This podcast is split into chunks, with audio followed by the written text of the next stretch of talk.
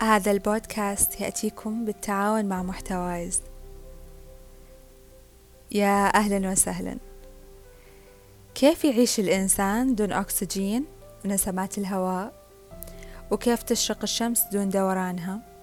وكيف ينبت الورد دون ماء واهتمام؟ هذه تساؤلات إجاباتها بديهية وما تحتاج تفكير.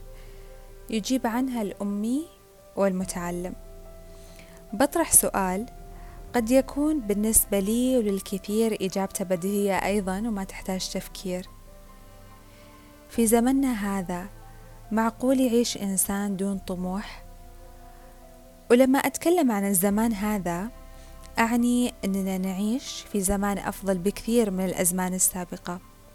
متوفرة لنا جميع سبل العيش الكريمة وننعم بزحام من النعم. وهذه النعم من المفترض أن تقود كل منا إلى مسار خاص.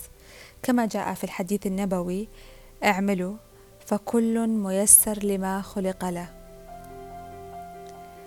بس هل لازم نسوي مثل جولي روبرتس في فيلم Eat Pray Love نغير حياتنا بشكل جذري ونسافر حول العالم وننتقل من مكان لمكان عشان نلاقي السلام والتوازن في حياتنا؟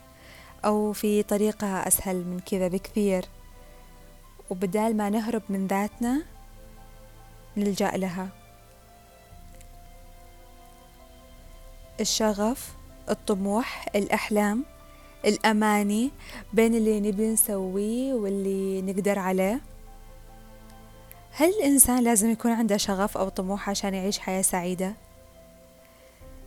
الأكيد أنه الشغف هو مجرد مولد للطاقة اللي نستخدمها في تحقيق أحلامنا وطموحاتنا ولكن لازم الإنسان يسعى ويتحرك ويشتغل ويتعلم ويعيش كثير مشاعر ممكن تزاحم شعور السعادة مثل الحزن الخيبة والفشل التعب والإرهاق.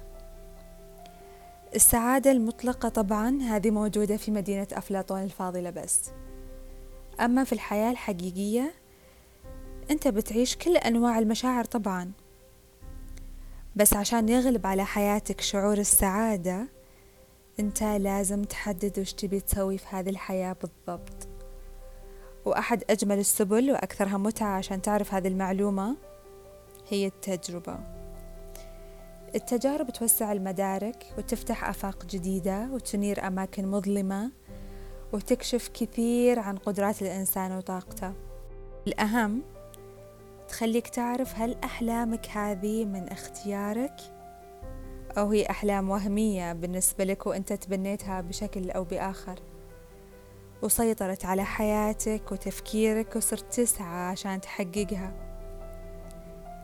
التجارب ببساطة تخليك تدرك قبل ما تقضي أيام وساعات طويلة تمشي في طريق ولما توصل تكتشف إنه مو هذا اللي تبغاه. وبالمناسبة التطوع أرض خصبة للتجارب. أنا شخصيا جربت أكون مقدمة ومعدة وكاتبة ومصورة ومنسقة وكثير كثير تجارب عشتها تحت مظلة التطوع. لأن التطوع نهار تجارب لا ينضب.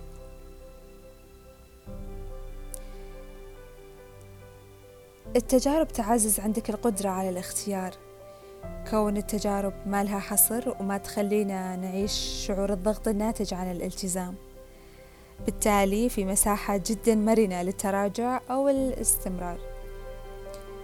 دكتور مصطفى محمود يعطينا نصيحة جدا مهمة هنا. يقول لك لا تنفر من شيء لأن الناس قالوا عنه خطأ. عليك أن تجرب بنفسك. سر بالطين لو تطلب الأمر وتعلم كيف تحفظ توازنك بالتجربة. الطموح هو ذاك الشيء اللي ينمو بداخل الفرد ليكسبه القدرة على بذل مجهود أكبر عشان يحقق اللي يبغاه.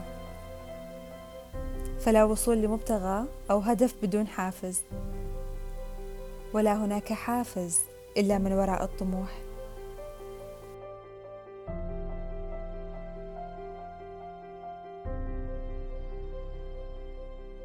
ألقاكم في موسم جديد إن شاء الله. تابعونا على حساباتنا في إنستغرام وتويتر. تلاقونها في صندوق الوصف. وشاركونا رأيكم في حلقات هذا الموسم. متابعتكم ودعمكم لنا يشجعنا نستمر أكثر في تطوير وتقديم محتوى أفضل يليق بالمجتمع. عيد أضحى مبارك على الجميع. كل عام وأنتم بخير.